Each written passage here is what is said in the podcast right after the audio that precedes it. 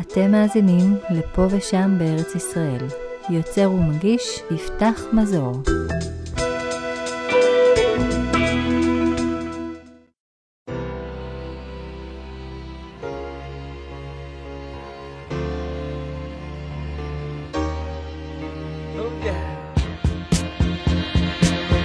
מועדון הסיפור הטוב, מדור הסיפורים של פה ושם בארץ ישראל.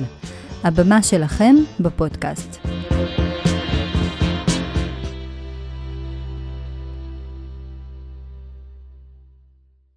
הפעם במועדון הסיפור הטוב אנחנו הולכים לעמק יזרעאל שבמוצא, ליד ירושלים, אל סמדר כרמי גיברמן. סמדר היא מוזיקאית בכל שסה גידיה, נגנית פסנתר ועוגב, מורה ומרצה מבוקשת למוזיקה, מדריכה של מסעות מוזיקליים באירופה, ובין לבין היא גם מצליחה לנצח על מקהלה. ולמה עמק יזרעאל? כי אל הרזומה העשיר שלה נוסף פרט ביוגרפי מיוחד. סמדר היא בתו של משה כרמי, המורה הנערץ מעין חרוד, שעסקתי בו לא מעט בפרק על המורים המיתולוגיים לטבע שמלפני קום המדינה. משה נפטר ממחלה קשה כשסמדר הייתה בת עשר. את הסיפור הבא שמעתי מפיה, ומקורו על רקע אותה פטירה בטרם עת של האיש הגדול הזה. בואו נתחיל.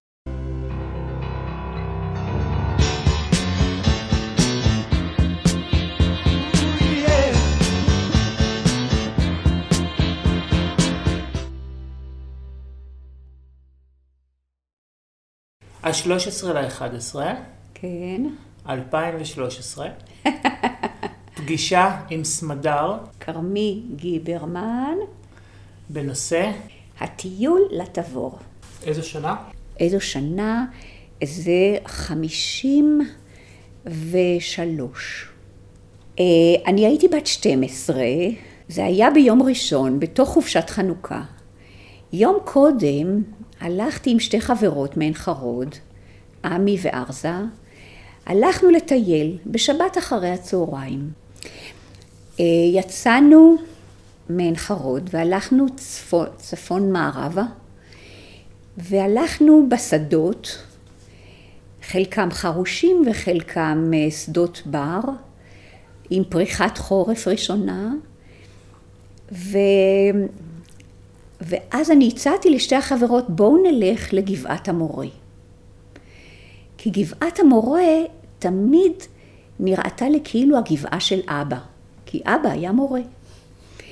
וגם הוא לקח אותי פעם לשם עם איזה כיתה שלו, והוא סיפר סיפורים ואני מאוד אהבתי להיות שם. אז אני ידעתי, זאת גבעת המורה, זה הגבעה של אבא, אני רוצה, אבל אבא כבר לא היה.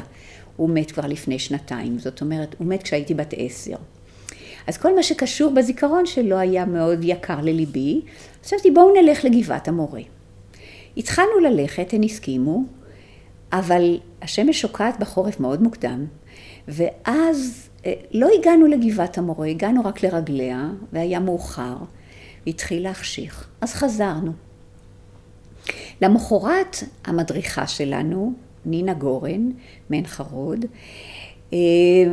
אספה את הילדים ואמרה בואו נלך לגלבוע. אז אני אמרתי, יחד עם כל הקבוצה, אני אמרתי, אולי פעם אחת נלך לגבעת המורה. תמיד תמיד הולכים לגלבוע. מאות פעמים היינו הולכים לגלבוע, כבר מגיל הגן, זה ההר שלנו. אז נינה אומרת, לא, אנחנו נלך לגלבוע. אני אומרת, אבל אני רוצה ללכת לגבעת המורה. אנחנו נלך לגלבוע.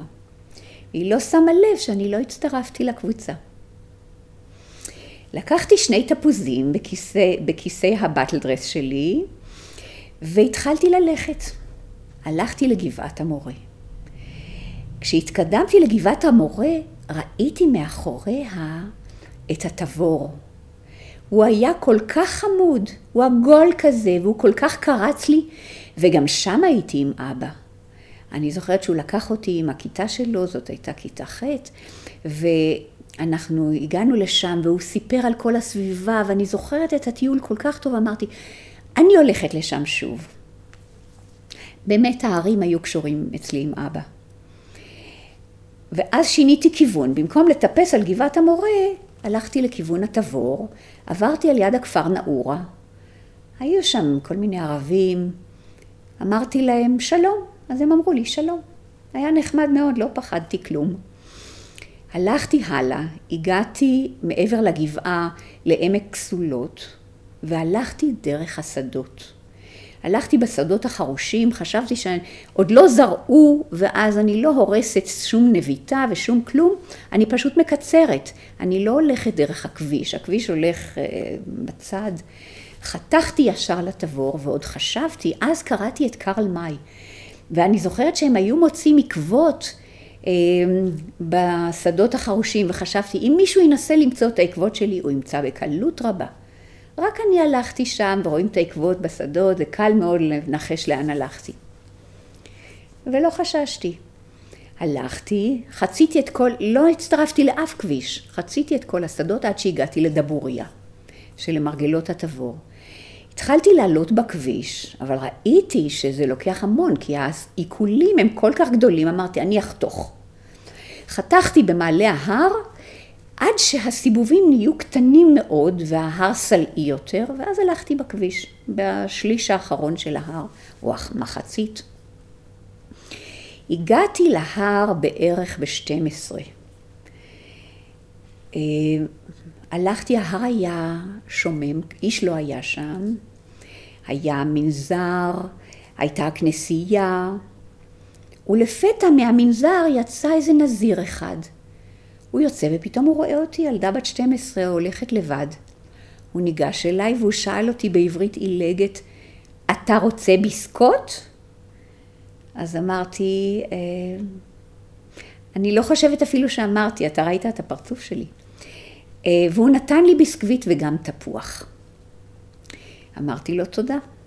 והלכתי אל הגגון שמשם אבא הסביר לנו את כל המראות מסביב ומשקיף על הגלעד ועל החרמון ועל כל הרי הגליל העליון ועד לדרום עד הרי אה, גריזים ועיבל.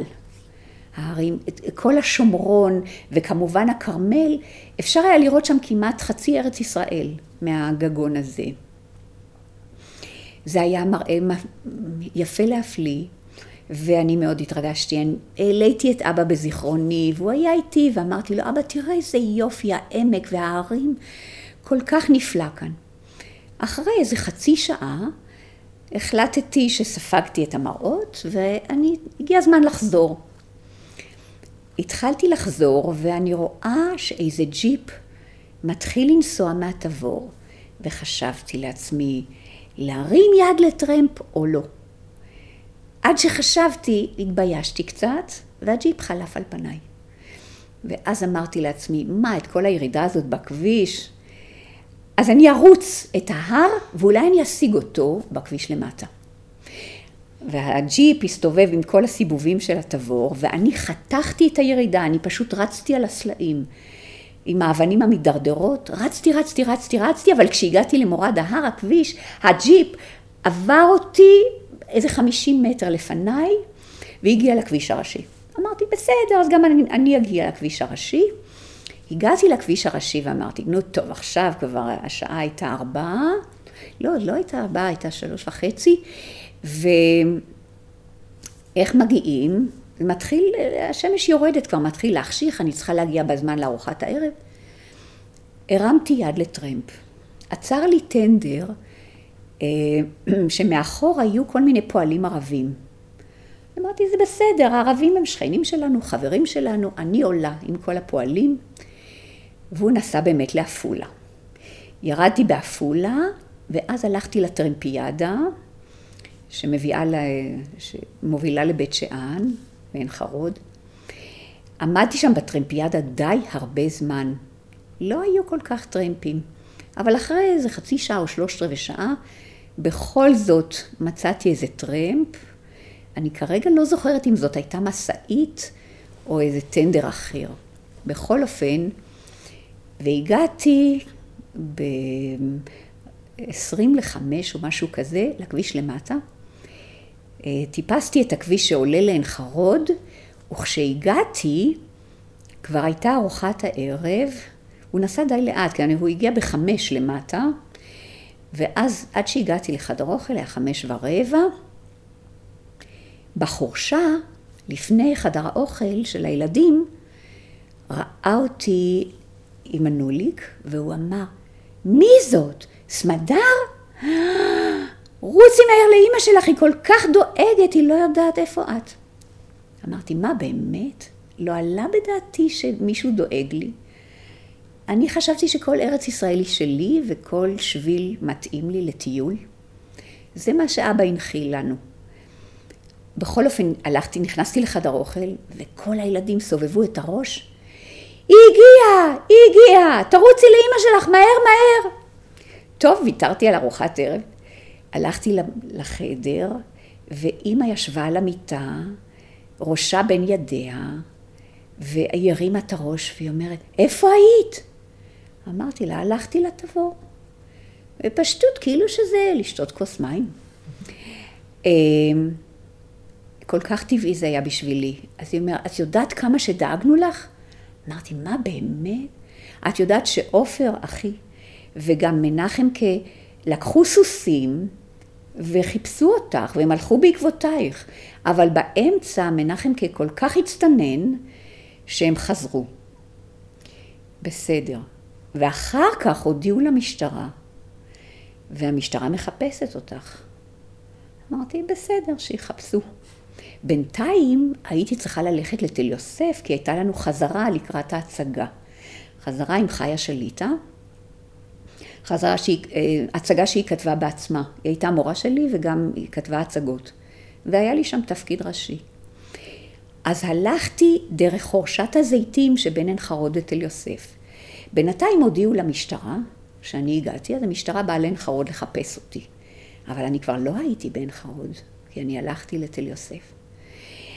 אז uh, טוב, אז הם הלכו לתל יוסף לחפש אותי. עד שהם מצאו את הבית של חיה שליטה, החזרה כבר נגמרה, ואני הלכתי דרך חורשת הזיתים לעין חרוד, אבל הם כבר התייאשו והחליטו לוותר על הפגישה איתי. זהו, וכך נגמר כל הסיפור, הטיול לתבור.